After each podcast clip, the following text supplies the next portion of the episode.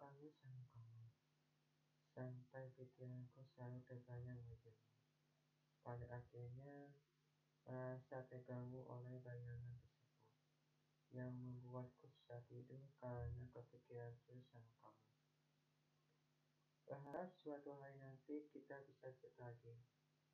Terkadang hidup memang sulit ditebak ke depannya sama siapa. Walau begitu, hati yang sama ini tersimpan bakal mengetahui.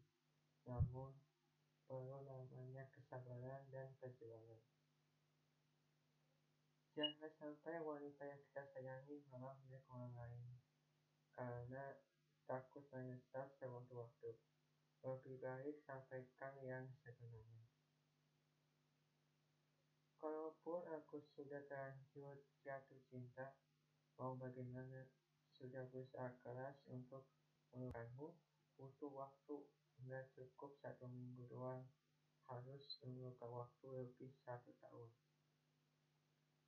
Mungkin salah satu cara hanya itu, sedangkan dia belum merasakan apa yang kurasakan sekarang. Meskipun tahu keadaanku seperti apa, seharusnya aku harus mengungkapkan perasaanku padanya. Itu yang membuatku susah berpikir, apalagi sampai saat ini aku sering meramu sambil memikirkanmu. Mohon maaf apabila kalimat ini cenderung berlebihan, karena aku sangat sayang padanya. Meskipun aku tahu sekarang nggak bisa bersama lagi, setidaknya pikiranku selalu teringat masa-masa kita masih baik-baik saja.